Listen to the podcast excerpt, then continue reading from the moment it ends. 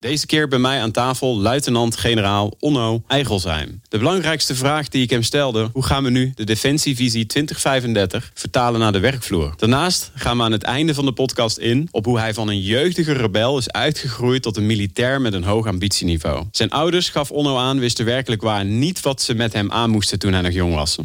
Volgens mij is het goed gekomen. Hoofdstuk 1 is de introductie van Onno. Hoofdstuk 2 vanaf 9 minuut 17 gaat over de Defensievisie 2035. Vanaf ongeveer een half uur, hoofdstuk 3, gaat over innovaties binnen het ministerie van Defensie. Vanaf 55 minuut 50, hoofdstuk 4. Hier overrompelde ik Onno enigszins met enkele prachtige videoboodschappen van zijn vrienden waar hij in 1986 mee startte op de militaire academie. Hoofdstuk 5 vanaf 1 uur en 3 minuten gaat over Onno zijn jeugd en zijn privéleven. En vanaf 1 uur en 15 minuten, het laatste hoofdstuk, hoofdstuk 6, gaat over zijn toekomstdroom en een prachtig slotwoord. Luister ook de overige podcast met verhalen van veranderaars binnen het ministerie van Defensie. Geniet van deze prachtige podcast met luitenant-generaal Onno Eigelsheim. Het ministerie van Defensie. Een bedrijf met gepassioneerde, trotse en talentvolle mensen. In deze podcast verbinden wij deze mensen zodat ze samen sterker worden. Zoek Samen Sterker podcast en luister of kijk via YouTube, Gpal, iTunes, Spotify of Soundcloud. Volgens mij eh, kun je dat daar ook ervaren. Dat je in jouw eigen wereldje op dat moment, in die cockpit kan ik me voorstellen, dat je een soort van vertraagt. En dat je als een soort van in het oog van de storm zit. Er is wel storm, er moet van alles gebeuren. Maar jij zit daar, hebt situational awareness. En dan kun je, denk ik, dat ervaar ik met meditatie, maar ook met vormen van sport. Dat je op een gegeven moment dat heel de wereld vertraagt, dat tijd eigenlijk stilstaat. Is dat in die Apache ook zo? Snap je dan wat ik. Ja, ik snap zeker wat je bedoelt. Uh, kijk, ik denk de kern, als je met in dit geval een Apache vliegt, maar dat zal voor veel uh, vliegtuigen gelden of helikopters, is dat een deel gaat automatisch. Je, je lichaam en je hersenen bedienen het apparaat in een bepaald automatisme. Dus je hebt daar niet meer uh, je hersencellen op dat moment voor nodig. Dus dat is de flow waar je voor een gedeelte in zit. Mm -hmm. En uh, je creëert inderdaad, samen overigens met je, met je backseater of met je frontseater, je zit met z'n tweeën van de pet, je creëert inderdaad wel een bubbel in, in die helikopter, waarbij informatie, in, misschien inderdaad wel zoals jij het beschrijft, vrij in ieder geval behapbaar binnenkomt. Uh, en je, als je achteraf naar de tapes kijkt, hoe snel je uiteindelijk de beslissing hebt genomen of om, om het gevecht op welke manier ook aan te gaan, dan denk je dat is echt eigenlijk veel sneller gegaan dan ik dat in een cockpit heb ervaren. Uh, en de besluitvorming die je met het team doet, is dan ook vele malen sneller geweest dan je misschien eigenlijk uh, op dat moment in je eigen bubbel hebt gezien. Ja. Dus het klopt wel. Ja. Uh, en ik denk dat het in de kern er ook op neerkomt, is dat je uh, je hersenen gewoon ook dingen uitfilteren. De, de, de, de verstoringen gaan weg en je kunt heel snel op een gegeven moment de kern eruit halen die van belang is voor het nemen van dat besluit op dat moment. Overigens niet gezegd dat het altijd het juiste besluit is mm -hmm. wat je genomen hebt. Uh, maar je moet op een gegeven moment wel keuzes maken. Uh, ja. en, dus dat klopt wel. Maar het zit ook een deel in het feit dat vliegen op een gegeven moment voor een groot deel automatisch gaat. En het mooie van een Apache is dan nog daarbij, vind ik, dat je in je eigen wereld komt. Zeker bij nacht. Omdat je alles uh, op je ogen geprojecteerd krijgt. Ja. Uh, en je dus eigenlijk, uh, net zoals we hier nu zitten met een, met een, met een headset op ons hoofd. In je ja. eigen zeer comfortabele en bijna, zoals je dat zelf percipieert, veilige wereld zit. Ja. Ik heb in Apache nooit gedacht dat ik slachtoffer kon worden van uh, willekeurig wat dan ook. Ja. Ik heb altijd gedacht dat ik onschendbaar was. Uh, en dat ik alles kon doen wat ik wilde doen en moest doen. Ja. ja, mooi, mooi. Ja, kijk, en ik geloof ook als je die af en toe die wereld kan creëren voor jezelf. Of dat nou in een Apache is, of in mijn geval uh, op een meditatiematje, of als ik ga hardlopen. Hè, dat is ook een, uh, een vorm uh, waarin je natuurlijk biochemisch op een punt komt dat je in flow bent, dat je lekker in je vel zit dan komt de meest creatieve ideeën die komen onder de douche. Ja. ja?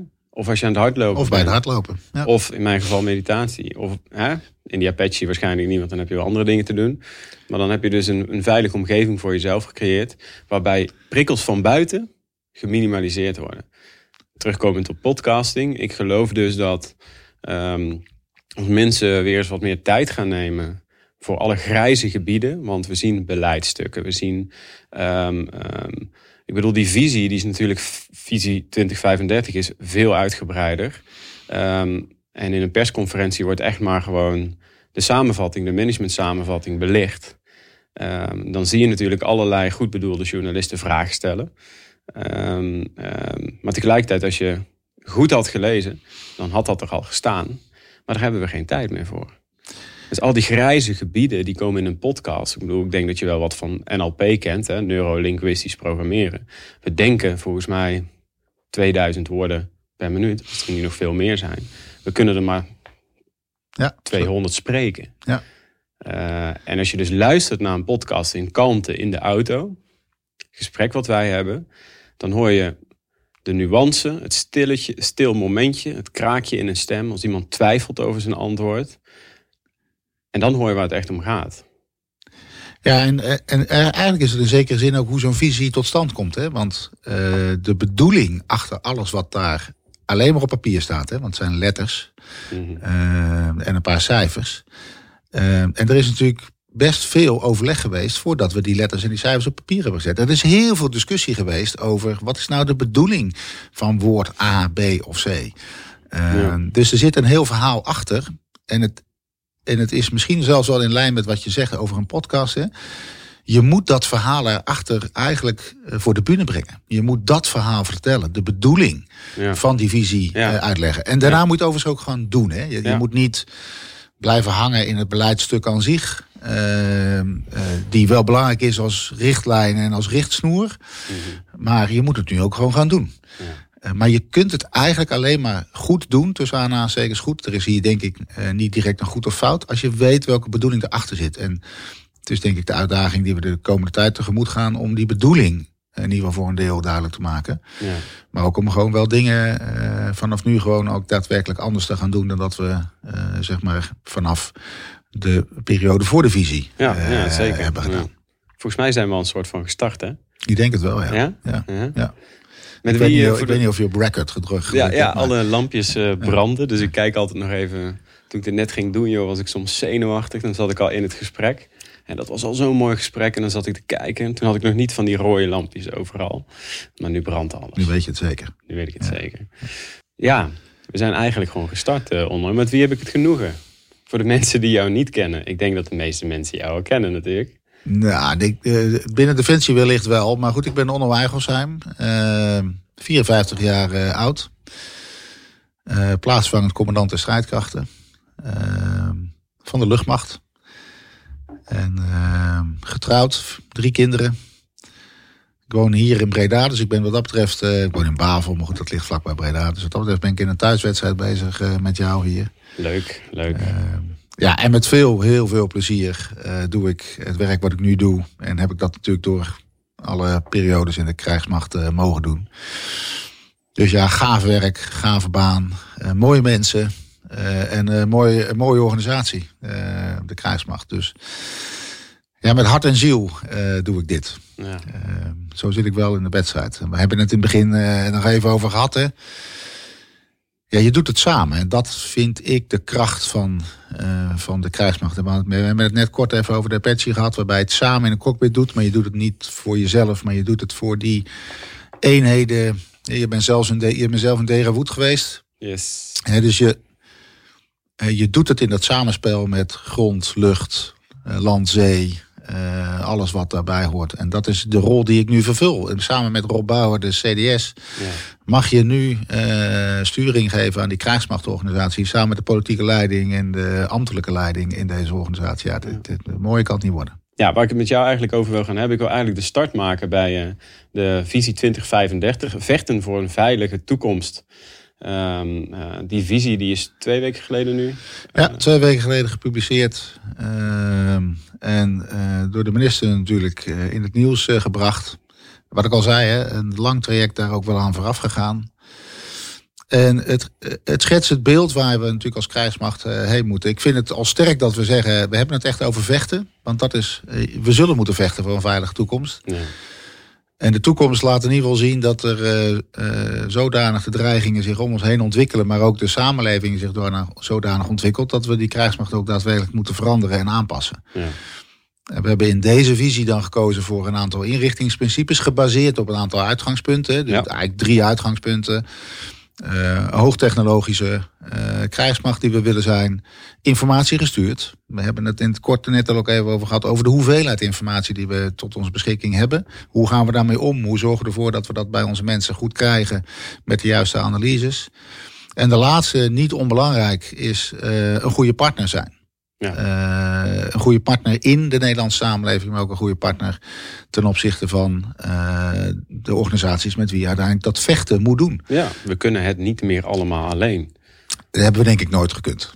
Uh, en, en, of je nou terugkijkt naar willekeurig welke oorlog die we gevoerd hebben. Ja. Of de, de strijd die we nu tegen terrorisme aangaan, waar dan ook in de wereld. Je kunt het toch niet alleen.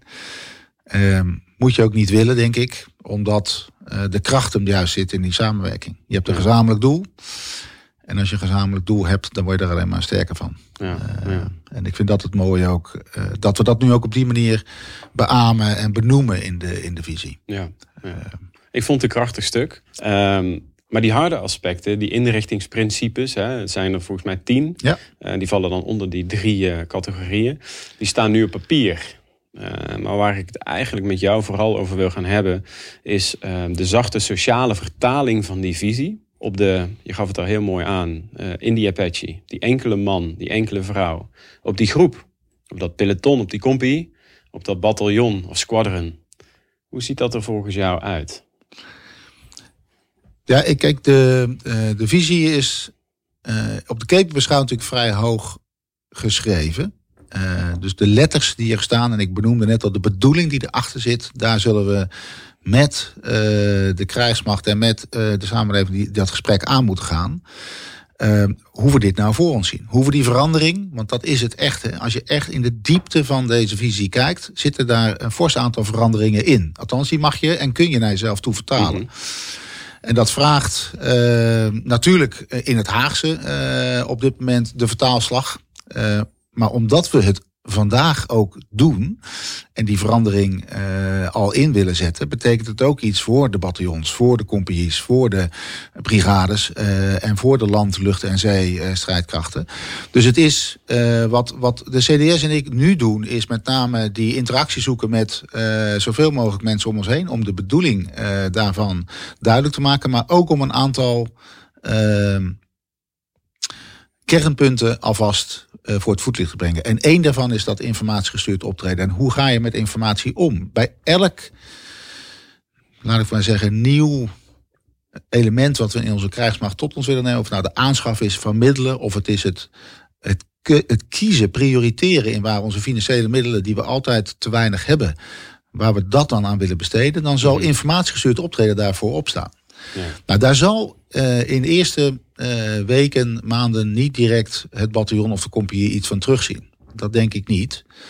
Maar wat we wel zien is dat omdat een ander deel van de visie ook beschrijft dat we veel meer in samenwerking met, de, uh, met bedrijven, met de andere overheden in onze, in onze samenleving gaan, gaan, gaan samenwerken dat je ziet dat bijvoorbeeld de landmacht uh, er ook voor kiest om veel meer in een, uh, in een ecosysteem, zoals we dat noemen, met zijn omgeving te gaan acteren. Dus die gaat met Scania uh, gezamenlijk activiteiten aan om mensen op te leiden en om mensen in bepaalde situaties in zijn eigen organisatie in te zetten. Dus dat gaat een, een onderdeel al snel tegenkomen. Ja, ja. Dus het is niet meer, als je het hebt over je wil uh, een goede partner zijn, dan betekent dat dat je er op die manier naar je omgeving moet kijken en op welke manier kan ik dat partnerschip, partnerschip dan, uh, dan daadwerkelijk ook aangaan. Dus op die manier wil ik, zouden wij wel willen dat je al heel snel van laag tot hoog uh, in deze organisatie kijkt naar wat bedoelen we nou eigenlijk met deze visie als we het hebben over goed partnership of als we het hebben over dat informatiegestuurd optreden. En Uh, en ja, dat vraagt natuurlijk de komende maanden echt nog wel denkwerk van bovenaf om het door te vertalen naar, zoals jij het net zo goed weet als ik. Hè, we gaan het doorvertalen naar een, uh, naar een doctrine en naar uh, operationeel beleid, zoals we dat noemen. Mm -hmm. Maar dat is allemaal woorden. We, we moeten het ook in het doen hebben. En als we vinden dat we bijvoorbeeld met een um, flexibele schil willen werken met uh, mensen om ons heen. Ik bedoel daarmee te zeggen dat je naar een reservistenbestand wil groeien. Waardoor je uh, flexibel mensen in kan zetten in je organisatie. Dan vraagt het ook iets over de manier waarop we zelf omgaan met bijvoorbeeld reservisten. Ja. Uh, dan is een reservist niet een persoon die je oproept op het moment dat jij tekortkomingen hebt of dat je vindt dat hij een gat moet vullen. Nee, dan is het een partner met wie je uh, van nature en vanaf de start al uh, het gevecht wil kunnen voeren. Ja. Of je organisatie wilt kunnen draaien. Dat is een echt andere insteek dan dat je hem ziet als uh, opvulling van een gat wat er bij jou valt. Ja. Dat, het zijn dat soort elementen waar je al vandaag mee kunt beginnen. Um, en dat betekent natuurlijk niet dat we al direct nu kunnen zeggen, nou we gaan naar een andere samenstelling van onze bataljons toe. Of we gaan naar een andere, uh, uh, uh, we gaan naar andere eenheden toe dan die we tot nu toe gezien hebben. Aan de andere kant, en dat zie je bij bijvoorbeeld de landmacht ook, die beseft zich terdege dat informatie en informatiemanoeuvre, het, het gebruiken van informatie en het onderkennen dat er veel desinformatie in de samenleving is, maar dat ook onze krijgsmacht beïnvloed wordt door uh, informatie, eh, dat je daar iets mee moet. Ja. Dus je zult daar ook elementen in je krijgsmacht voor moeten oprichten om daar iets mee te doen. Ja. Uh, en dat zijn wel al de veranderingen die we op dit moment uh, in gang gezet hebben. En wat, wat zou jij um, als ONO, maar ook als PCDS, mee willen geven? Want als we kijken naar de traditionele defensieorganisatie, is een uh, bureaucratische organisatie. We zien de afgelopen jaren, en daar kom ik straks nog op terug, dat we echt grote stappen hebben gemaakt waar we onwijs trots op mogen zijn. Ik ga er straks een aantal noemen. Toen ik ze op ging schrijven, dacht ik, wauw, wat hebben we eigenlijk al bereikt. Los daarvan zijn we nog steeds een vrij traditionele organisatie. Um, het liefst willen we morgen al beginnen. Vandaag, nee, nu, hier, ja. gisteren wilden we al beginnen. Um, als we kijken naar het gedrag van mensen, um, wat kunnen zij al nu doen? Wat zou je hen mee willen geven? Want het vergt wel, we hebben het voorgesprek ook over gehad, een bepaalde gedragsverandering. Nou, evolutionair willen mensen natuurlijk niet veranderen. Hè? We willen stabiliteit. Um, wat zou je hen willen meegeven? Mensen die je naar luisteren, die zeggen, ja, wat kan ik nu al doen? Nou, je moet in ieder geval uh, voor jezelf... Uh en zo, dat is geval wat ik zelf altijd doe. Hè. Je, moet, je moet een vrij hoog ambitieniveau uh, wegzetten. Je moet niet klein beginnen en dan denken dat je groot eindigt. Nee, je moet groot beginnen. Je moet nadenken over wat zou het kunnen zijn. In plaats van dat je denkt van, nou, ik kijk wel even naar morgen en ik doe mijn eerste stap wel. Nee, je moet veel verder kijken dan, uh, uh, dan alleen maar morgen. En waarom zeg ik dat? Omdat ehm, ik altijd geloofd heb, en dat wil ik de mensen dus ook graag meegeven, dat je je grenzen kun je alleen maar verleggen door heel uh, door risico's te nemen en door uh, voor jezelf uh, verder te, te denken dan je misschien op dat moment beseft dat je zou kunnen. Dat geldt voor sport, maar dat geldt dus ook voor je krijgsmacht we weten allemaal fysiek dat we verder kunnen dan wat onze, uh, dan dat je misschien in eerste instantie denkt als je naar het fysieke uh, domein kijkt. Maar als je mm. kijkt naar hoe je eigen organisatie naar een heel ander niveau kunt krijgen, vind ik dat je uh, jezelf een veel grotere ambitie moet, moet geven. Als je bijvoorbeeld kijkt naar diversiteit of inclusiviteit in je organisatie, dan moet je niet zeggen, nou, we gaan uh, rustig beginnen met uh, een aantal vrouwen of, uh, die, of um, um, mensen van een andere huidskleur of een andere diversiteit tot onze organisatie nemen. Nee, je moet, ja. je moet beginnen met het feit dat je bedenkt, als ik andere, als ik een diverse organisatie wens te bereiken, dat betekent dat ik dat doe omdat ik een bepaald effect wil bereiken. Ik wil mijn krijgsmacht naar een, een heel ander niveau brengen dan wat ik nu heb. Mm -hmm. uh, de kracht zit hem in de diversiteit van onze mensen, omdat ze allemaal iets anders te brengen hebben. Ja. En als je dat dus beseft, dus willekeurig welk individu brengt iets anders in deze organisatie. Dat betekent dat je op die manier ook moet kijken naar, uh, uh, naar, naar, naar, naar wat je zelf uh, als maximaal in deze organisatie denkt te kunnen halen. En die doelstellingen dus ook heel hoog leggen. Ja, ja. Ja. dat, dat, is wat ik, uh, dat is wat ik in ieder geval de mensen mee wil geven. Leg je ambitie zo ver mogelijk. Laat je niet al aan de voorkant beïnvloeden door de grenzen die er mogelijk komen. Ja, ja. Want we kunnen echt veel meer met elkaar bereiken dan dat we misschien aan de voorkant hebben ingeschat. Ja. Ja. ja. De enige constante is verandering. Dat is wat in mij opkomt. Um, het gekke is, aan het einde van deze podcast hebben we elkaar weer beïnvloed met, uh, met informatie. Volgens mij noemen ze het ook tabula rasa, hè, het onbeschreven blad. We komen allemaal op een gegeven moment hier op aarde als kinderen. Uh, um, vervolgens gaan we naar een uh, opleiding. Onze ouders die vinden van alles met de goede bedoelingen. Vervolgens ga je naar een KMS, een KMA. Um, en dan worden we gevormd. En we zijn een krijgsmacht die gevormd zijn. We zijn ook uh, door bepaalde selectiecriteria heen gegaan met elkaar. Hoe moeten we dan onze mensen equiperen dat ze zich prettig voelen in een veranderende omgeving? Die continu in verandering is, in beweging is. Hoe doen we dat? Ja, je moet er in ieder geval voor zorgen dat je met elkaar het gesprek houdt. Uh, en dat je elkaar vasthoudt, omdat veranderen kun je niet willen. Veranderen moet je voelen. En... Uh, ik ben het met je eens. En ik persoonlijk hou ik uh, uh, lichtelijk van chaos om me heen. Omdat ik denk dat chaos je helpt in uh, het, de mindset van willen en kunnen veranderen. Want mensen hebben altijd houvast nodig. En houvast kun je bieden door met elkaar te, te, te, spreken over hoe je die verandering dan denkt door te moeten gaan. Het gesprek wat je net schetste over, nou ja, als je niet op deze plek uh, tot je recht komt, dan gaan we samen kijken, samen kijken, in het gesprek waar je dan uh, wel beter tot je recht kunt komen.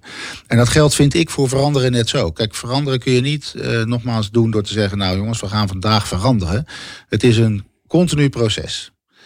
En je moet wel de geesten rijp maken voor veranderen. En dat begint met wat ik net zei, en daar bedoelde ik ook dat je best ver in je ambitie mag zijn. Je mag best een verre ambitie mm -hmm. neerleggen. Mm -hmm. Want dan begrijpt iedereen, oké, okay, daar kom ik niet vanzelf. Ja. Dat kan ja. ik alleen maar bereiken door het anders uh, uh, te gaan doen.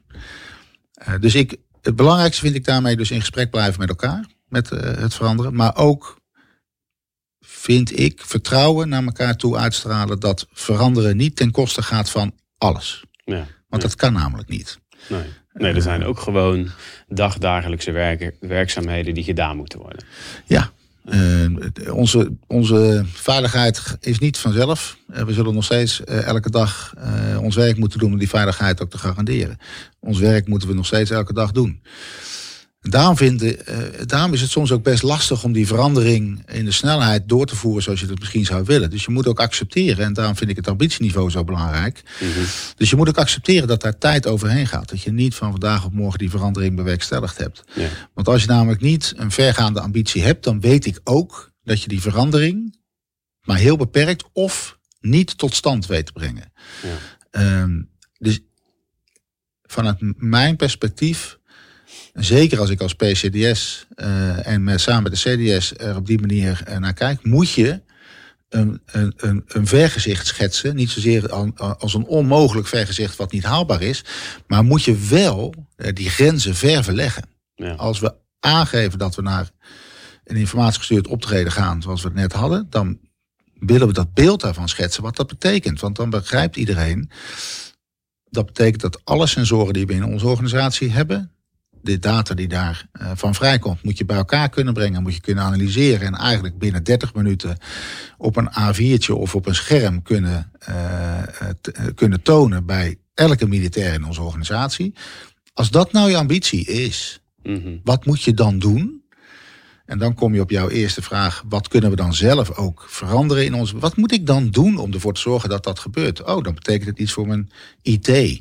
Dan betekent het iets voor de communicatiemiddelen die misschien iets makkelijker met elkaar moeten kunnen spreken dan dat we nu hebben. Ja, ja. Jij weet van Derabot zelf ook dat je verschillende radio's in je commandopost had zitten, omdat je met verschillende landen of met verschillende entiteiten binnen eigen, eigen krijgsmacht moest praten. Ja daarmee dus uh, om die verandering tot stand te brengen, het schetsen van dat verhaal. Mhm. En het vanaf dat moment dus ook continu uh, voor het voetlicht brengen van jongens, dit, dit is waar we heen gaan. Ja.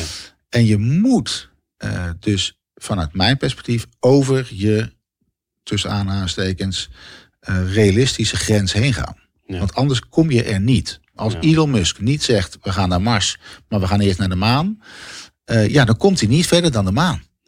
Terwijl als je zegt, ik ga naar Mars, dan zeggen ze op een gegeven moment, oh ja, misschien moet ik de maan maar gebruiken als, uh, als uh, startpunt om naar Mars te komen. Dat is wel een ander verhaal. Ja. en Grappig hè, dat, dat je steeds meer hoort dat begin met iets kleins. Hè, maak desnoods een kartonnen doosje, een, een, een, prototype van hoe het eruit zou kunnen gaan zien. En dan uiteindelijk als mensen enthousiast worden, ga je dat groter maken. Uh, tijdens het voorgesprek gaf ik het ook aan. Ik vind het grappig dat jij het eigenlijk omdraait. En ik voel hem ook terwijl je het zegt. Hè? Elon Musk is natuurlijk een prachtig voorbeeld. Stel je nou eens voor dat wij met z'n allen, dat voelt krachtig, naar Mars zouden kunnen gaan. Ja. Nee, we gaan naar Mars. Is dat wat je bedoelt? Ja. ja. Enthousiasme creëren van hoe de wereld eruit zou kunnen zien. Is dat wat je zegt? Ja, dat is precies wat ik zeg. Ja. En je moet dat beeld dus ook overbrengen. Mensen, want het is veranderen gaat nogmaals niet vanzelf. Hè? Dus mensen moeten enthousiast worden. Ja. Uh, en er zijn, uh, we, we, hebben tussen de 50 en 60.000, we hebben zometeen 60.000 militairen in onze organisatie. Dat zijn 60.000 hersenen die kunnen meedenken over hoe je dan die verandering tot stand kan brengen. Ja. Uh, en die moet je dus enthousiasmeren. Eh, van hoog tot laag.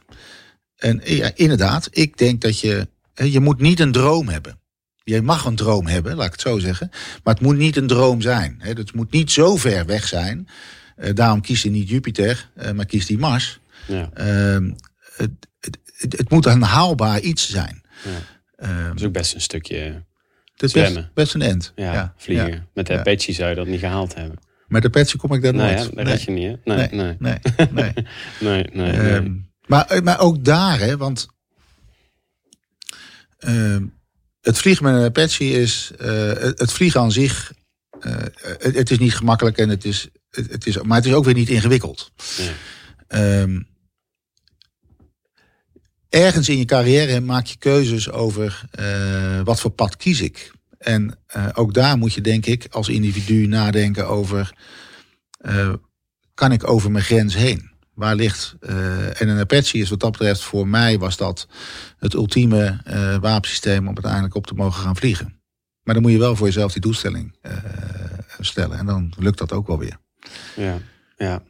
Ik, uh, we hebben het hier ook al even over gehad. Um, op een gegeven moment zei ik van durf oncomfortabel te zijn.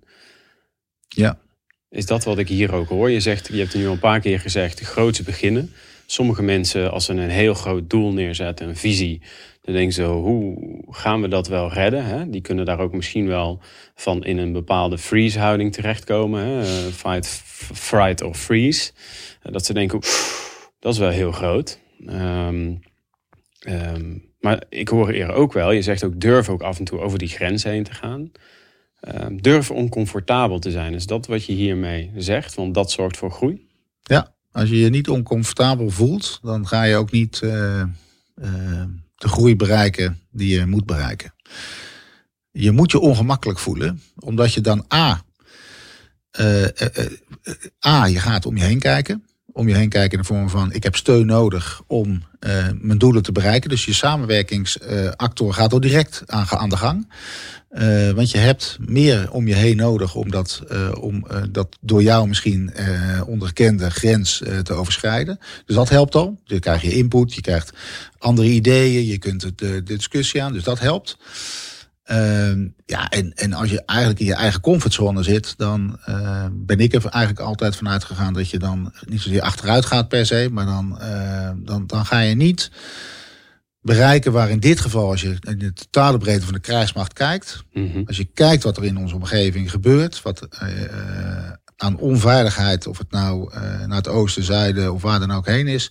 Als je dat ziet, A, word je daar al oncomfortabel van. Daar begint het al mee. Ja. dus dan mag je je ook wel oncomfortabel voelen bij de veranderingen die dan nodig zijn. Ja. En ook als persoon moet je dus je oncomfortabel voelen. Want anders uh, dan blijf je een soort van doorkabbelen. Uh, en, en, volgens mij komen we dan niet daar waar we uit moeten komen. Dus ja. ik voel me ook uh, regelmatig oncomfortabel. Ja, ehm, dat zie je misschien niet van buitenaf. Maar er zijn ook niet altijd dingen waarvan ik denk, nou, de, dat is nou echt iets in mijn comfortzone. Ehm, ik ben sowieso heel benieuwd zo waar dat bij jou vandaan komt. Hè? Want we, we gaan zo langzamerhand een beetje van die visie en waar we als bedrijf volgens jou nog aan kunnen werken, aan welke knop we kunnen draaien, gaan we dadelijk rustig naar, uh, naar jou toe, waar dat vandaan komt. Uh, jouw manier van leiderschap, jou als mens zijn. Um, wat mij net triggerde was, je zei we moeten met elkaar in gesprek blijven. Um, um, vanaf de werkvloer komen heel veel, dat zien we vaak natuurlijk, van, uh, van bottom-up zien we allerlei initiatieven ontstaan. Um, dat is ook goed, want die mannen en vrouwen die zien ook waar de hiaten zitten en waar de uitdagingen liggen. Uh, maar wat er ook vaak gezegd wordt uh, vanuit de werkvloer, dat de top niet zichtbaar genoeg is. Herken jij dit? Hoor je dit wel vaker? Ja, dat herken ik wel. Uh, dat herken ik al toen ik zeg maar op uh, een eenheid uh, werkte. Vond ik eigenlijk ook dat de top onvoldoende zichtbaar is. Dus ik herken dat geluid zeker. Nu ben jij de top. en nu ben ik de top. Ja, dus dan heb ik natuurlijk de ambitie om dat niet zo te laten zijn. De COVID helpt misschien niet. Aan de andere kant kan het je nog helpen doordat je in ieder geval digitaal meer zichtbaar kan zijn. Wat ik wat je dus wel moet doen, uh, en we hebben daar gelukkig wel een aantal elementen in onze organisatie voor. DevEx is er daar één van.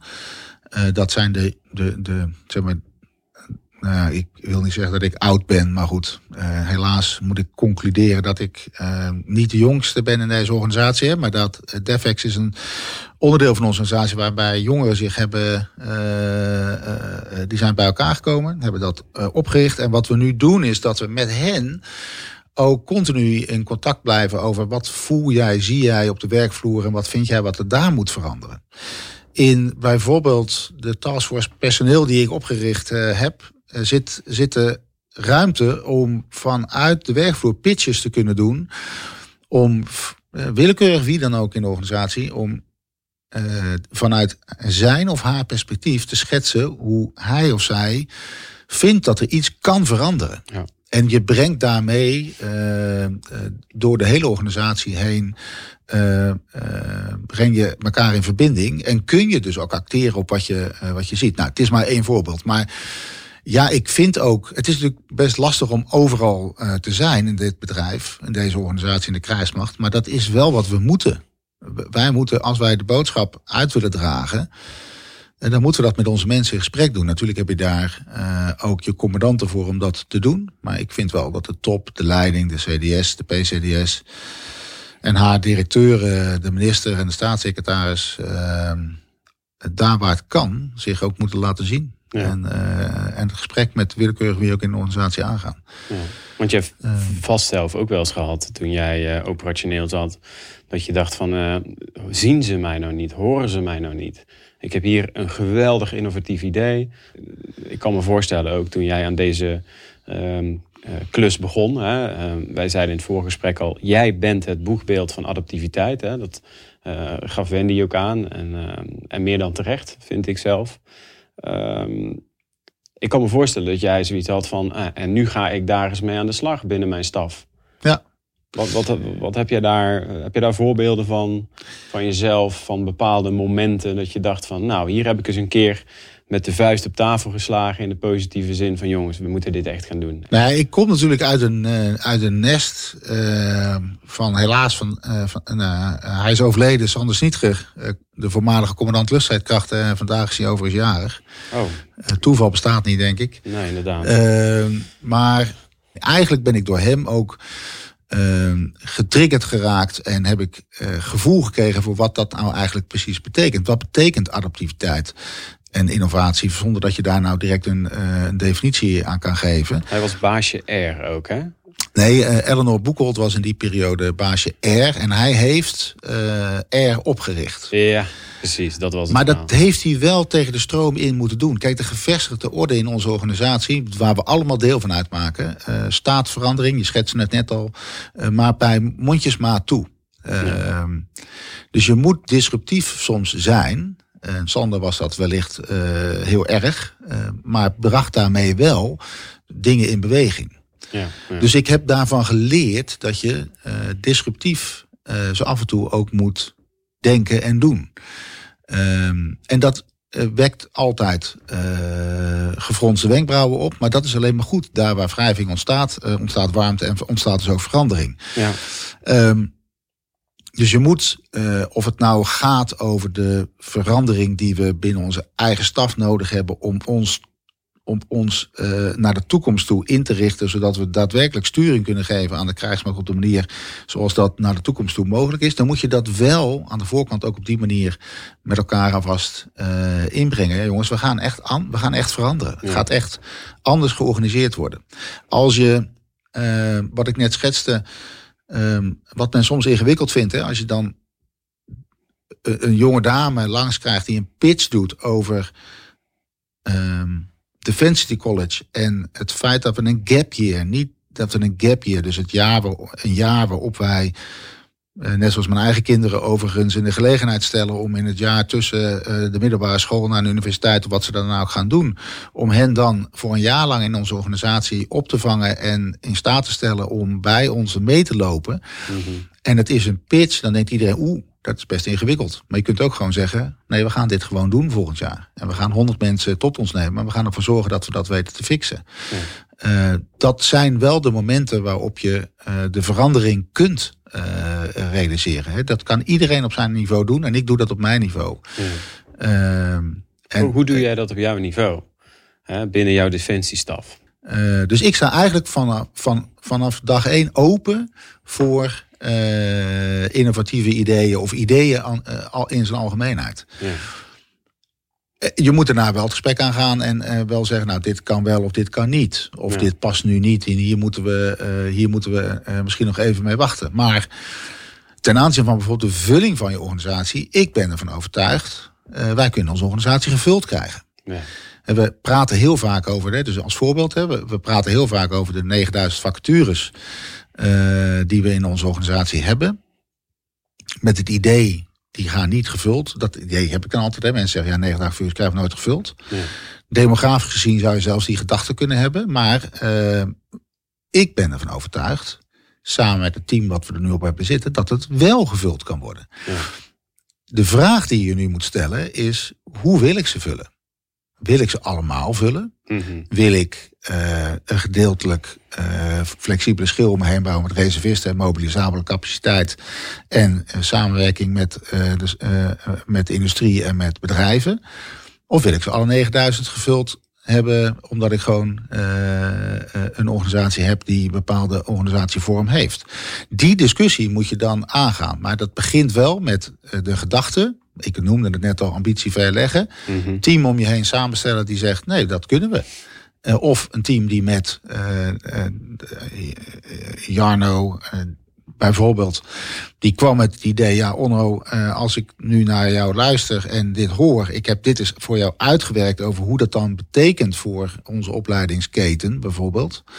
Ehm, maar op deze manier kan het. Ja. ja, dan moet je die uh, jonge man naar je toe trekken en zeggen: Oké, okay, dat gaan we dus nu ook uitwerken. en dat is de kracht aan? die ik natuurlijk heb als, als, als PC, PCDS, of die wij in de top wel hebben. Dan kun je wel zeggen: Oké, okay, ik omarm dit idee, we gaan het uitwerken. Ja. En dan gaan we de volgende stappen zetten om te kijken hoe we het kunnen financieren en hoe we dit dan gaan organiseren. Ja. Dus je kunt dit ook wel uh, uh, snel uh, organiseren. Snel is dan misschien wat relatief in onze organisatie. Ja, het kan ja. nooit snel genoeg. Ja. Um, ja. Maar op die manier kun je dus een aantal van dit soort ideeën bundelen, bij elkaar brengen en dan tot actie overgaan. Jij bent echt een vernieuwer. Um, en dan komt iemand met zo'n goed idee. En die heeft daar echt een gevoel bij. En die denkt, daar, daar, daar, hè, en jij ziet dat ook bij iemand. Um, je denkt, hier moeten we iets mee gaan doen. Maar dan kom je op het punt, dan breng jij dat in. En dan kan ik me voorstellen, we hebben een systeemwereld. Ehm, hè, we hebben het ook over de bedoeling gehad.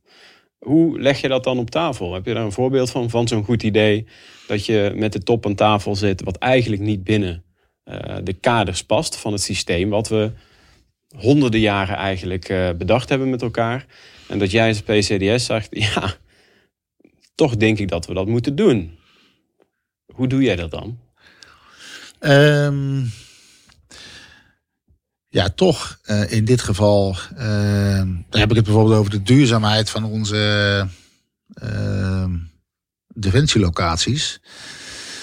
als je je beseft dat wij een van de grote vastgoed.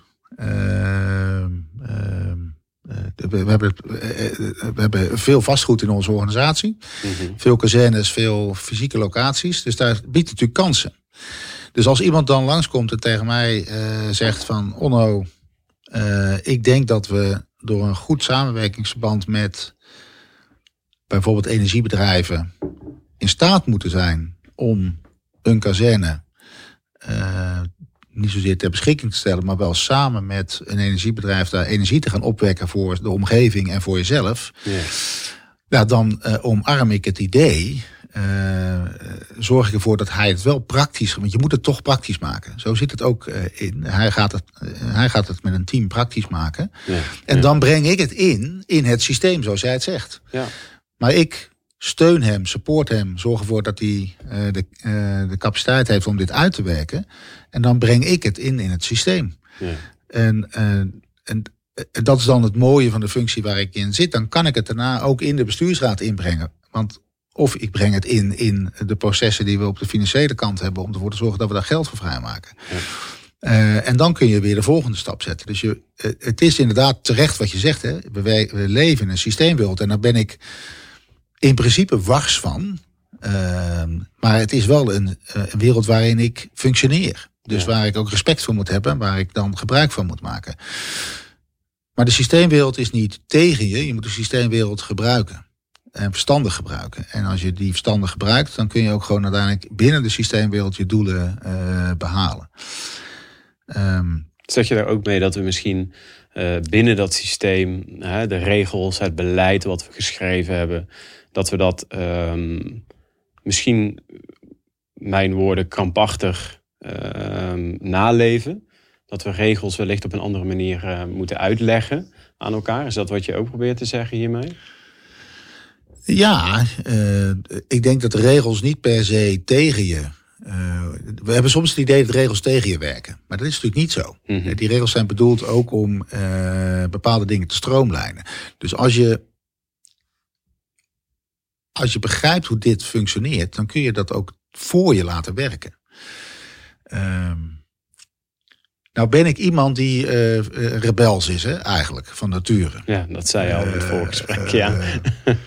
Dus dat maakt regels soms wat ingewikkeld voor mij. Dus het liefst zou ik, uh, nou, het is misschien niet, niet, niet helemaal zo, hè, maar ik zou niet een wereld willen hebben zonder regels. Maar ik denk wel dat je ook moet kunnen vertrouwen op de verantwoordelijkheid die mensen als individu kunnen nemen. Uh, en ik denk dat we soms daar wat meer naartoe moeten. In plaats van dat je probeert om alles in de regels in te kaderen. Maar goed, we hebben ze maak er dan ook. En ik maak er dus ook verstandig gebruik van, want ik weet hoe ze functioneren en hoe je daar dan uiteindelijk toch je einddoel kan bereiken. Dus dat, ja. maar dat vraagt wel dus om discipline naar elkaar toe en uh, verwachtingenmanagement. Dat je zegt van ik heb nu gewoon dit van je nodig, ik heb dan dat van je nodig. En dan kunnen we dat doel bereiken wat we samen hebben vastgesteld.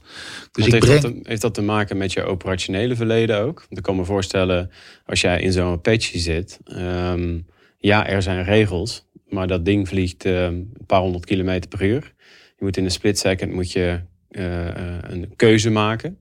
Is ook jouw visie daarop. Ja, er zijn regels en kaders. Maar hoe gaan we daarmee om en hoe leggen we die uit?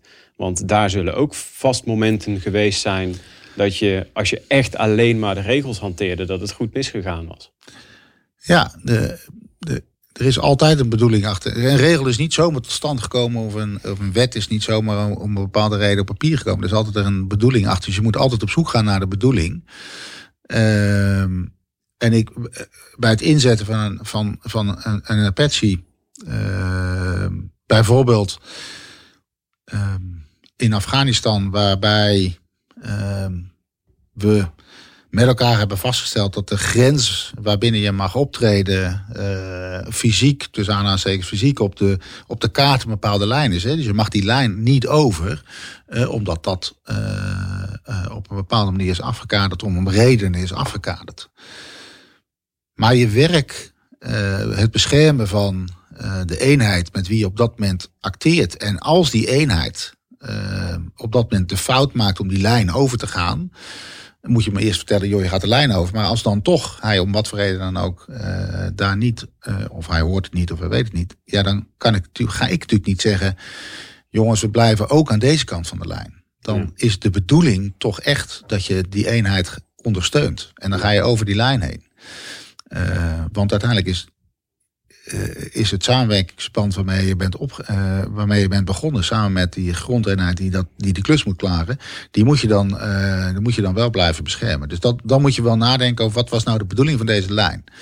Ja. en dan ga je hem over. Ja. althans, in mijn, vanuit mijn perceptie moet je dan teruggaan naar waarom je uiteindelijk die job deed. Dat was het beschermen van je troepen.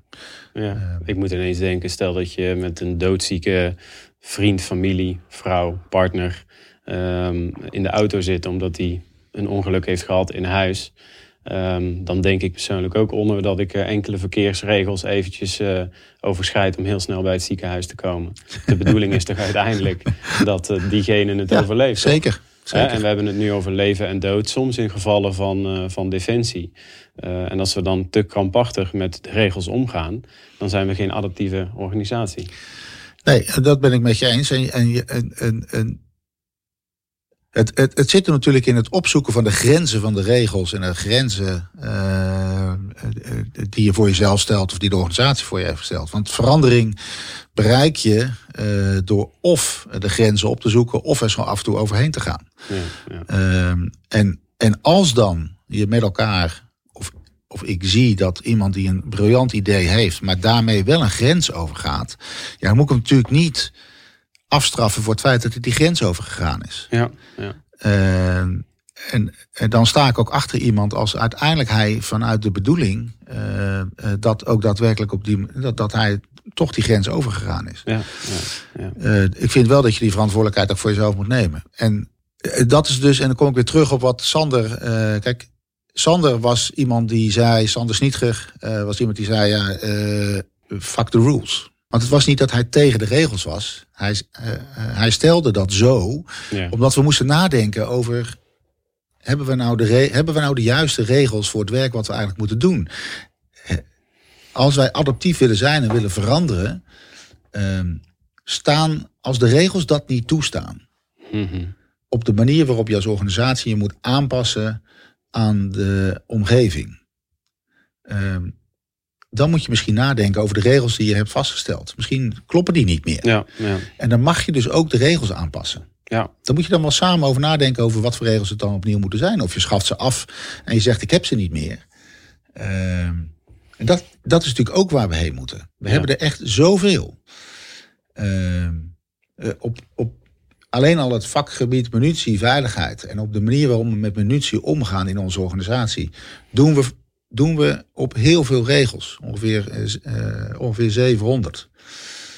Dat is goed. Ja. Maar de vraag is of ze allemaal uh, op elkaar aangesloten zijn. En of we dan op die manier ook de bedoeling, het veilig ja. omgaan met munitie weten te bereiken. Ja, dus dan mag je, vind ik, met elkaar de discussie aan. Jongens, moeten we dat niet opschonen en nadenken over welke regels we nou uh, echt moeten hanteren. op willekeurig welke elementen ook in onze organisatie. Um, ik vind trouwens, hè, sorry dat ik onderbreek, maar ik vind, um, ik vind nu de COVID-periode, naast het feit, we hebben ook mensen gehad in onze omgeving die echt ziek geweest zijn. Uh, dat aspect is natuurlijk, dat wil ik wel benoemd hebben, verschrikkelijk. Tegelijkertijd, volgens mij, uh, uh, ook weer zo'n woord wat niet te zwaar opgepakt moet worden, maar in de wiskunde noemen ze het volgens mij de chaos-theorie. Eh, dat er iets ineens eh, binnenkomt wat alles doet veranderen, COVID. Um, en dan zie je toch dat we heel veel kunnen. Wat daarvoor, waar, waar, waar, mensen van zeiden: nee, dat kan echt niet, want frontaal opleiden moet. Uh, en ineens zie je apps ontstaan zoals GPL en kunnen we ineens met elkaar uh, ook digitaal opleiden. En dat blijkt op sommige gevallen blijkt dat zelfs beter te gaan. Ja. Dus eigenlijk het hele gesprek wat we nu uh, een half uurtje met elkaar hebben, zien we ineens dat wat Sander zei, fuck the rules, um, dat hij ergens daar wel gelijk in had. Want je ziet dat het met COVID ook doorloopt. En zelfs op sommige, sommige gevallen zelfs wel beter.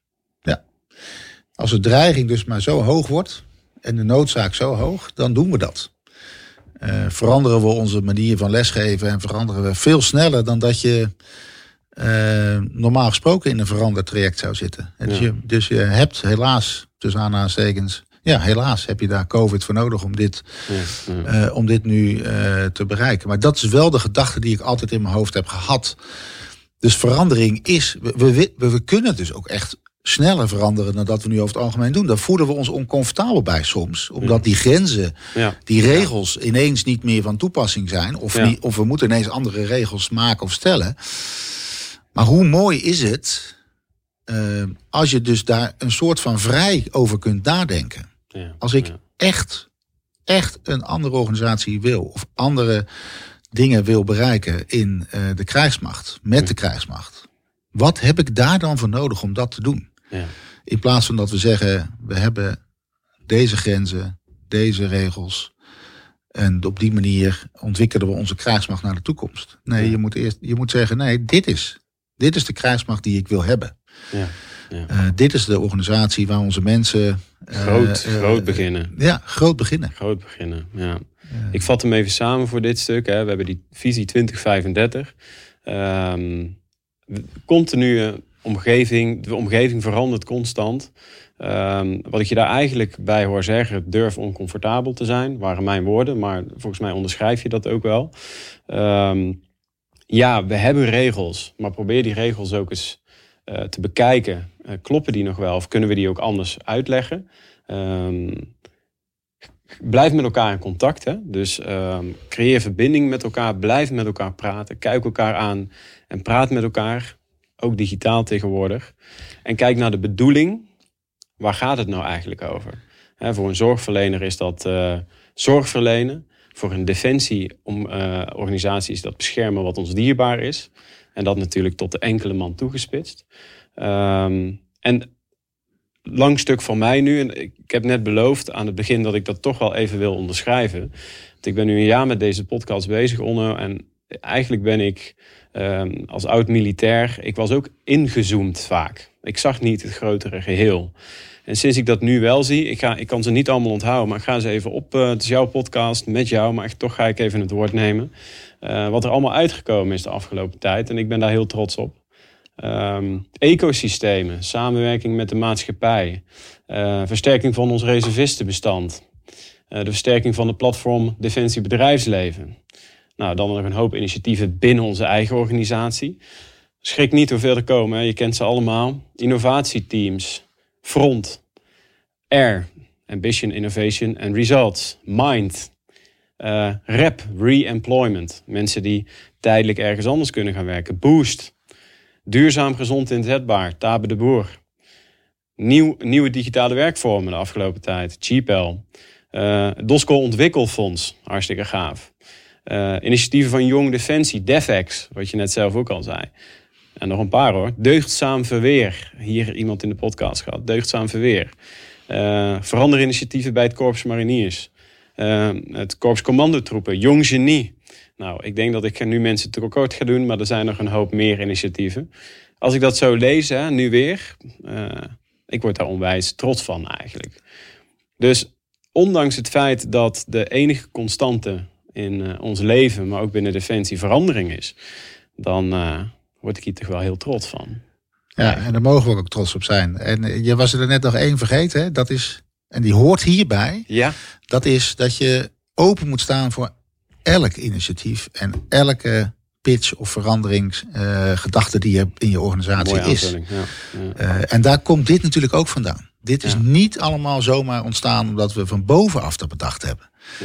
Uh, maar dit is ook van onderaf tot stand gekomen. En je moet dus wel een beetje ben je het meest trots op, Onno? als jij, dan ga je mensen tekort doen, dat weet ik. Maar ehm, dat jij, uh, je woont hier om de hoek en dan kom jij ehm, bij jouw vrouw kom je thuis. En dan zeg je, joh, echt, nu heb ik iets meegemaakt. Zit ik hier als PCDS. Heb ik zelf misschien wel een klein, door misschien ergens een handtekening onder zetten, een klein beetje aan bij mogen dragen. Maar het is gelukt. Um, ik, denk, ik denk dat uh, waar, ik nog, waar ik nog steeds het meest trots op ben, is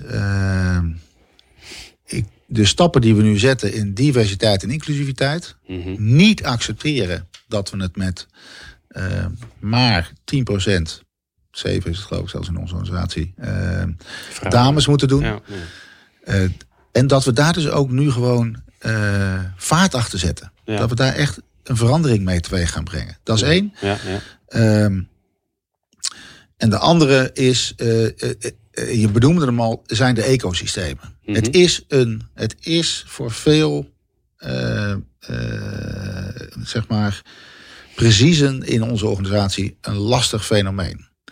Omdat er allerlei risico's aan verbonden zijn. als je in samenwerking met uh, bedrijfsleven of met uh, de overheid, niet zijn de krijgsmacht, uh, samenwerkt. Zonder dat er altijd juiste regels of juiste afspraken op zijn gemaakt. En ik vind het wel stoer dat we dat durven. Ja. En ik heb dat wel ook mee in gang mogen zetten. Ja. En ik, dat zijn twee dingen waar ik trots op ben. Ja. En, ik heb een cadeautje voor jou.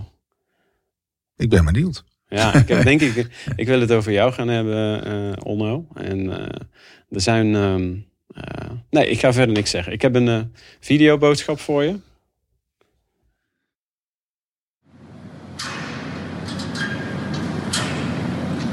Is onze eerste voetstappen vanaf dat mooie moment, augustus 1986, waar we hier voor het eerst de KMA op de binnenplaats stonden. En ik ga je meenemen in anderhalf minuut door de afgelopen 34 jaar. En ik begin natuurlijk iets mild kritisch met dat je toch vooral ook eigenwijs was in het begin. En eigenlijk nog steeds een klein beetje. Je wilde kost wat kost helikopter vliegen. En wij hebben er alles aan gedaan om je die fout te doen inzien. Uh, maar uiteindelijk is ons dat niet gelukt. Jij moest en zou helikopter vliegen. En wij jachtvliegers van ons jaar waren het daar niet mee eens. Vanaf het begin viel eigenlijk al op dat je zowel mentaal als fysiek tot de sterkste van ons jaar behoorde incasseringsvermogen was enorm. En dat is ook eigenlijk de rode draad door de rest van je leven. Je blijft rustig, je evalueert, je overweegt. En dan kies je heel kalm een positie en een richting. En dat is wat je tot een zeer gedragen persoonlijkheid maakt. Niet alleen in ons jaar, maar ook in de organisatie. Je beoordeelt, of veroordeelt moet ik zeggen, zelden. En als je het doet, dan laat je dat echt, dan hou je dat zoveel mogelijk voor jezelf. Maar je zet mensen altijd in hun kracht. Mijn vriendschap met Onno gaat meer dan 34 jaar terug. Typerend voor al die jaren is het blijkbare gemak en de vanzelfsprekendheid waarmee zijn leven zich voltrekt. Maar daarachter gaat een grote passie, gedrevenheid en inzet schuil. Het is juist die combinatie van eigenschappen die hem tot een sterke persoonlijkheid maakt. Ik ben trots Onno mijn vriend te mogen noemen. Wat maakt Onno dan uniek? En uh, wat maakt hem een goede leider? Nou ja, ik wil meegeven, in mijn ogen, ogenschijnlijk gaat hem dat allemaal makkelijk af. Hè. Wat ik de laatste tijd toch ook wel nadrukkelijker heb meegemaakt, is dat hij zich redelijk goed voorbereidt. Lange uren maakt, tot in de puntjes weet waar het om gaat. Misschien ook net even iets meer dan de anderen in zijn omgeving. Uh, waardoor hij toch uh, zeg maar de discussies goed en beter kan voeren in mijn ogen. Dat is wat ik ervan meekrijg. Ander punt wat ik uh, zou willen noemen, is dat hij ook in zijn omgeving de balans hanteert. Dus hij kijkt goed met wie heb ik te maken? Wat zijn ieders belangen? Waar zitten nog die hiaten? Wie moet ik meekrijgen? En krijg ik dat in balans mee? dus iedereen krijgt wat. Dus dat doet hij, doet hij erg knap. Um, ja, het is gewoon een fijne kerel en een friend for life. Ik ken Onno als een hardwerkende, integere leider die duidelijke doelen stelt. Hij weet zijn doelen te bereiken. Ook als het niet altijd via vooraf gebaande paden makkelijk kan. Hij zal gerust nieuwe, innovatieve ideeën gaan gebruiken of aanpakken om deze doelen te bereiken. Hij doet dit alles op een natuurlijke wijze, waarin kennis van zaken, wederzijds respect en ook zeker humor een belangrijke rol spelen. Voor mij is Onno die combinatie van de ultieme warrior, eentje waar iedereen de oorlog mee in durft, die altijd gezellige, komische, uh, soms iets wat onhandige knuffelbeer En een fantastische vriend, want hij staat altijd voor je klaar. Onno is uniek. What you see is what you get bij Onno. Is altijd toegankelijk, altijd geïnteresseerd, flinke dosis humor en nog even sterk als 30 jaar terug. Ik vraag me wel eens af hoe hij dat doet. Hij was toen al en is nog steeds iemand waar je altijd op kunt rekenen, die altijd voor je klaar staat. Kortom, een prima kerel om samen een biertje mee te drinken. Op Onno. Werken voor Onno als leider is eigenlijk heel eenvoudig. Het is ook eigenlijk niet werken voor Onno als leider, het is werken met Onno als leider. Waarbij Onno zijn leiderschap toont en ook gebruikt om de mensen in hun kracht te zetten, waardoor hij meer een leider is in het collectief en zo tot een veel beter product komt. Dat maakt Onno een hele sterke en goede leider. 34 jaar geleden alweer kreeg ik samen met Onno de luchtmacht luchtdoop op de selectievliegopleiding in Eelde. Sindsdien heb ik Onno leren kennen als iemand die niet de rol van leider speelt. Nee, Onno is de leider. Het is iemand die door zijn guidige manier van optreden jou lachend een klootzak kan noemen. En dan zeg je nog dankjewel ook. All you need is Onno. Mooi. Ja, we hadden het erover. Hè? Dat zijn die eh, Friends for Life. Ja, hè? Eh, die je beter kennen dan menigeen, denk ik. Eh, Ja. Dus bijzonder dat ik dat van hen mag horen op deze manier. Nou, ik zie ook dat het je raakt. Ja, ja. Die had je niet aan zien komen, hè? deze had ik niet aanzien komen, nee. Nee, nee absoluut niet. Ehm, dus het, eh, dat doet me wel wat, ja. Als ik die jongens zo hoor, eh, hoe ze naar mij kijken of hoe ze mij ervaren. Eh, en daar praten we ook te weinig over. Hebben we ook wel geconcludeerd, denk ik een maand of twee geleden. En dan kom je op het oncomfortabele, wat ik natuurlijk. ik vind het zeer oncomfortabel over mezelf te praten. En dat doen we daardoor ook te weinig. Niet zozeer over mij, maar dat hebben de jongens allemaal. Die praten niet graag over zichzelf. Eh, dus dat, eh, ja, het, eh, het raakt me wel, ja. Ja. Ik zie het, ja. Ja. Ja.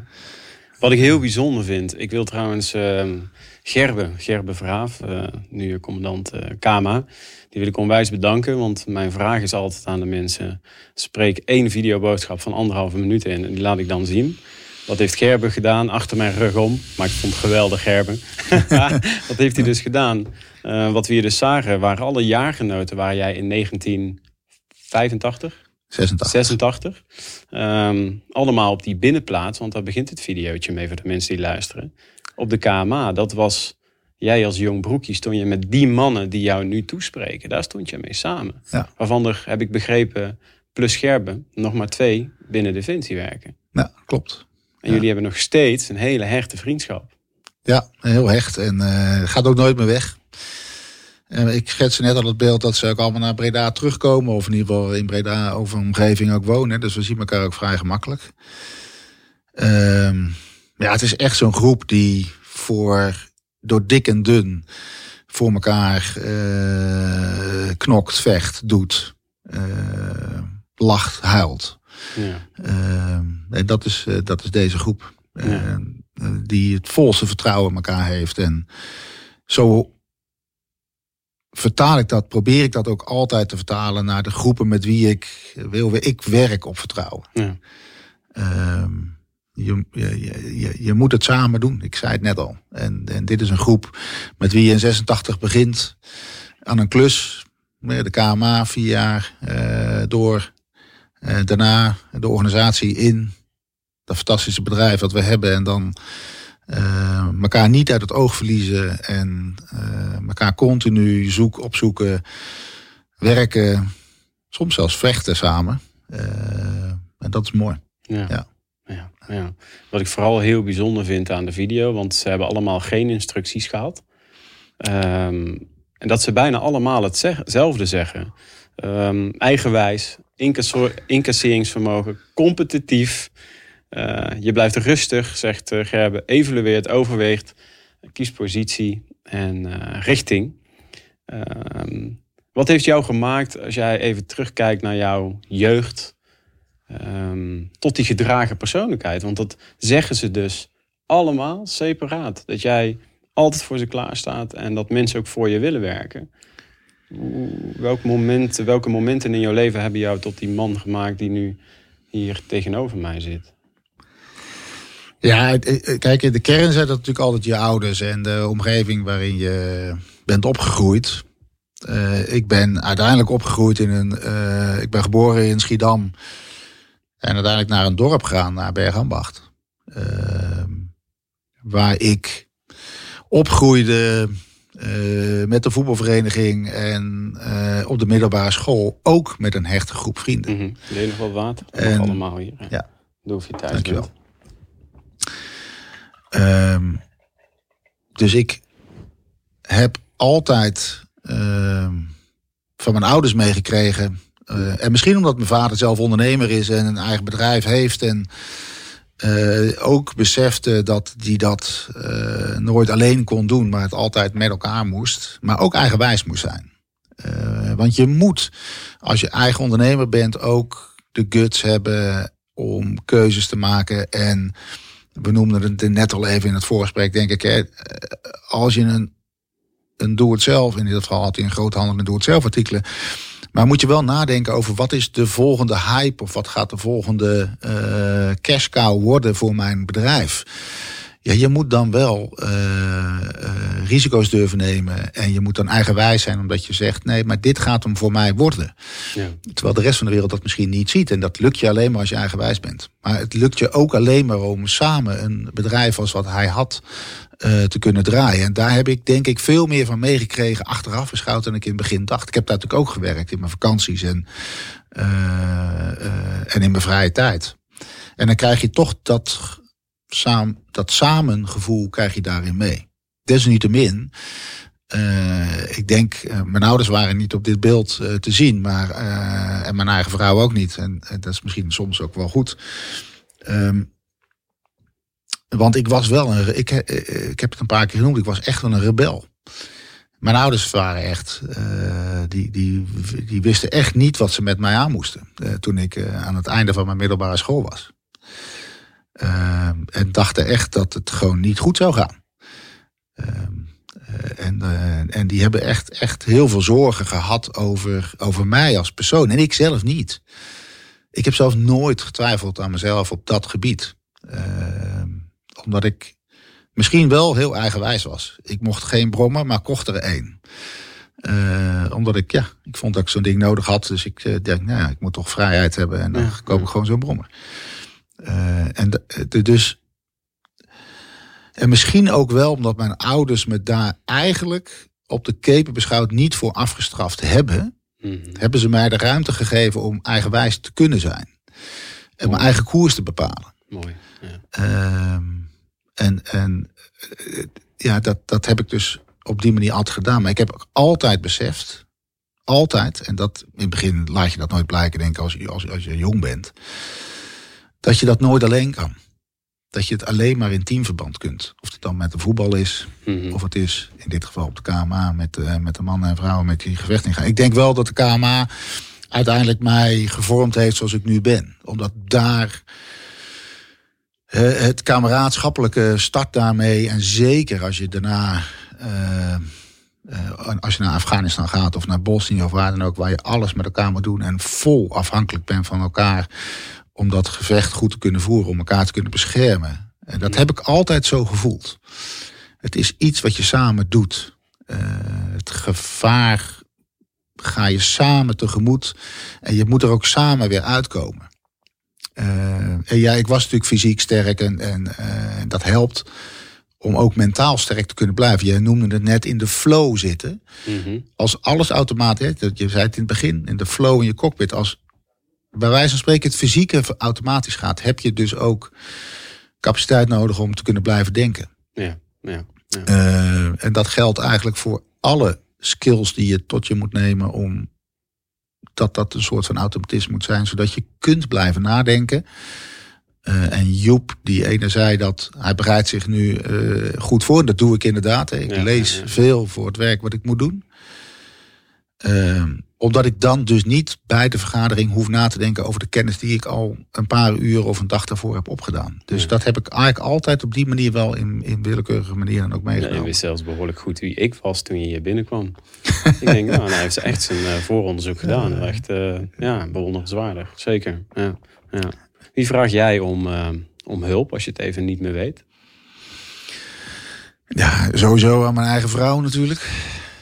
Uh, Gea is mijn steun en toeverlaat ook daarin hoor. Uh, ik blijf lang solistisch hè, daarin. Dus ik kom, ik kom niet snel met een probleem bij iemand anders. Omdat ik vind dat ik het voornamelijk zelf moet kunnen oplossen. Maar met Rob heb ik natuurlijk de CDS. Uh, overleg ik natuurlijk nu veel over Mhm. dingen waar ik misschien niet zelf uitkom. Je hebt een aantal vertrouwelingen. Je hebt ze net horen langskomen. Waar ik uh, ook gewoon over de, za de zaken die in mijn eigen organisatie spreek. Of waar ik zelf niet uitkom. Uh, dus dat zijn eigenlijk uh, degenen met wie je uh, dat contact hebt. Dus Ja. problemen. ehm, maar ik denk de, de, de, de zakelijke, tussen aanhalingstekens, de, de, de, de dingen waar je niet uitkomt ten aanzien van je organisatie, bespreken over het algemeen met Rob. Ja. Ehm, eh, en met de jongens eh, die je net hebt langs zien komen. ja. Mooi. Eh, en krijg je toch ook weer heel andere ideeën van.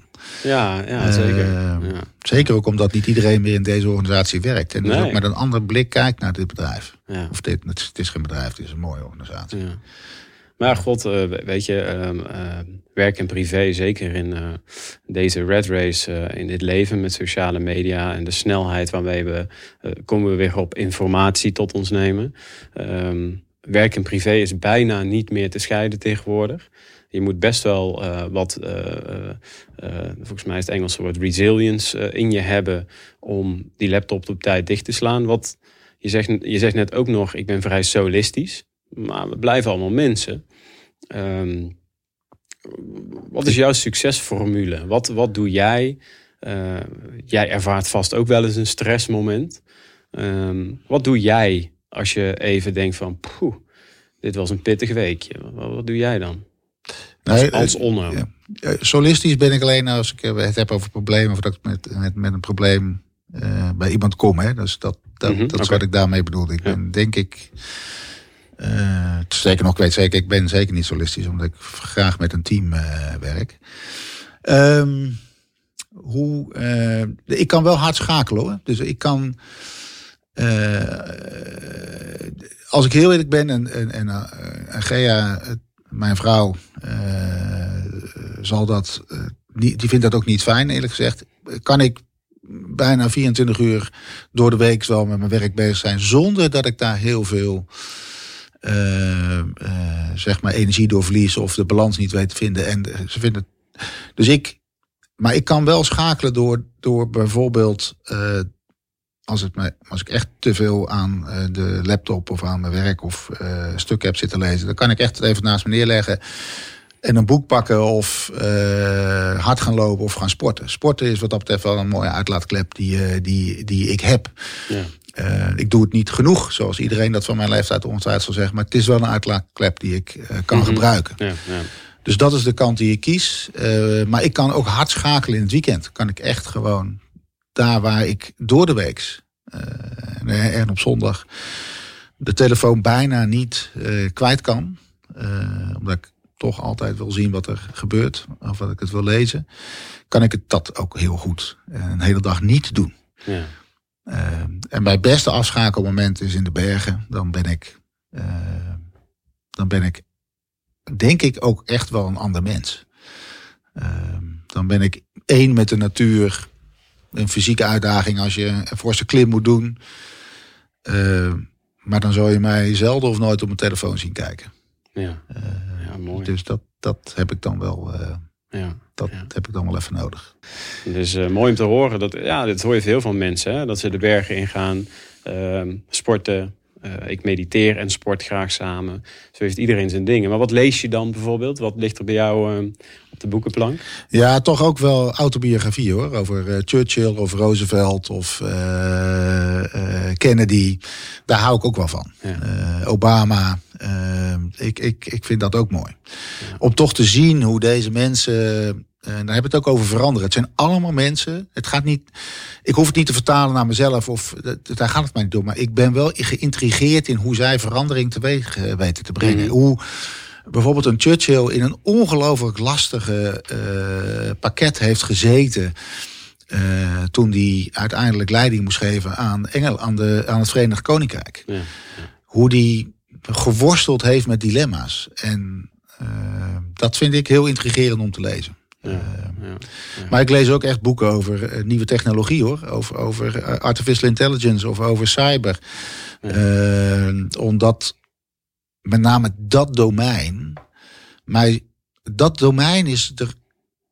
Cyber en informatie is gewoon een domein waar we vandaag de dag continu uh, mee te maken hebben. Ja. Ik ken het natuurlijk vanuit mijn vorige baan nog beter dan uit de baan die ik nu heb. Maar het is natuurlijk een wereld waar we ons voor, waar we de weerbaarheid, zoals je het net schetste, de resilience die we als samenleving moeten creëren om ons hier uh, weerbaar voor te maken, vraagt ook echt iets anders ja. dan zoals we nu ernaar ja. kijken, zelfs nu vandaag. Ja. Uh, uh, toevallig ook vandaag weer zag ik volgens mij in het nieuws staan... Uh, jongens, let nou toch op ten aanzien van de cybercrime die je overkomt. Hè? Maar het is maar een element. Ja. Cyber is de gamechanger. en informatie is de gamechanger. Waar we ook als Defensie ons op moeten focussen. Dus daar lees ik ook graag over. Dus ja. dat is... Mooi. Mooi, hartstikke mooi. Hey, langzaam een klein beetje richting het einde, Onno. Ehm, Stel, um, je bent heel fit hoor ik, dus uh, dat gaat wel goed komen. Stel jij wordt 100 en je zit, uh, drink je wel eens een biertje? Of, uh, ja hoor, zeker. Ja, een wijntje of een Ik biertje. zag het inderdaad van de mannen. Ja. Je zit daar lekker met jouw uh, Gea, met Gea, hè? Ja. dat is jouw vrouw. Op jouw um, porch ergens. Het zonnetje gaat onder en jullie proosten. Waar ben je dan het meeste trots op? Wat, wat zijn nog ambities die jij hebt, die je nastreeft? Dat je denkt, nou, als dat zou kunnen, dat zou ik eigenlijk wel heel erg tof vinden. Als ik dat nog, uh, naast de dingen die je allemaal al verteld hebt, die je nog gaat doen. Nou, ik zou toch heel, heel trots zijn als we.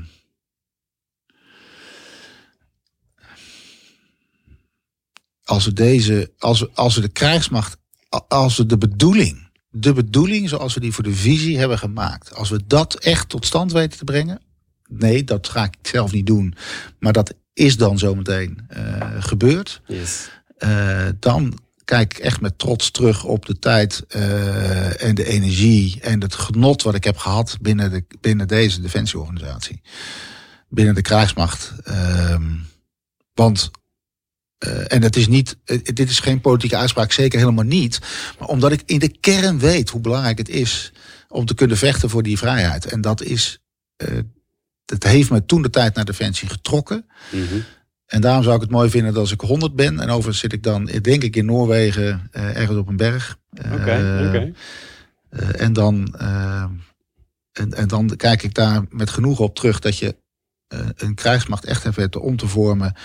Die veel sneller zich weten aan te passen aan de omgeving dan dat we nu kunnen. Ja. Ik denk als we dat voor elkaar weten te krijgen, dan, dan ben ik happy. Mooi, mooi, mooi, mooi. Misschien nog een uh, leuke, grappige vraag. Um, is er een bepaalde guilty pleasure of iets wat ja, eigenlijk bijna niemand van jou weet, waar je de mensen nog even mee aan het lachen kan brengen? Of ben je echt een open boek? Is er iets wat mensen niet van jou weten dat je zegt, nou weet je, ik ben er wel aan toe. Nu mag het. Nu mag het, hè? Nee, ik heb het al gezegd, hè? Ik denk dat mensen. Uh, uh, niet, niet, soms niet uh, weten hoe rebels ik eigenlijk ben van binnen. uh, dat ik echt grenzen opzoek uh, die, die, die normaal gesproken mensen niet zouden overschrijden. En die ik, dat, wat ik wel doe. Ik ja. zie weinig risico's. Ja. dus ik heb ook mensen om me heen nodig die mij wijzen op risico's. Dat heb ik ook wel geleerd door, het, door de tijd heen. Nee, ik... Heb je daar een leuk voorbeeld van? Van iets wat, uh, hoeft niet werkgerelateerd te zijn, maar wel echt op het randje zat.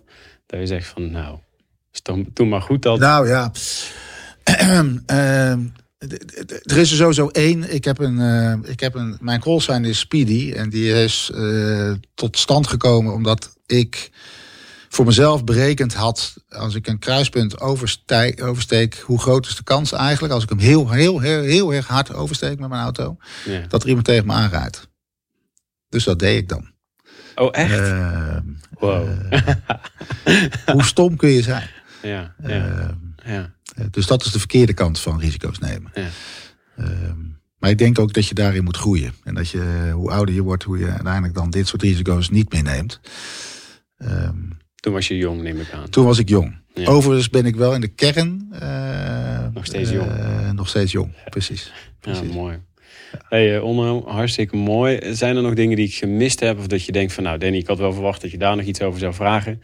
Wil jij eh, de collega's, de luisteraars, of misschien mensen van buiten, adaptieve krijgsmacht, wil je de mensen iets meegeven nog? Als laatste. Ja, eh, verlies, ondanks het feit dat je soms je verslagen voelt vanwege het feit dat we in een systeem zitten, verlies nooit de kracht en energie die we nodig hebben om die adaptiviteit tot stand te brengen. Eh, de, de- wij verdienen het, jullie verdienen het. Eh, en ik help daarbij. Mooi. Mooi. Dankjewel. Graag gedaan. Zoek Samen Sterker podcast en luister of kijk via YouTube, Gpal, iTunes, Spotify of Soundcloud.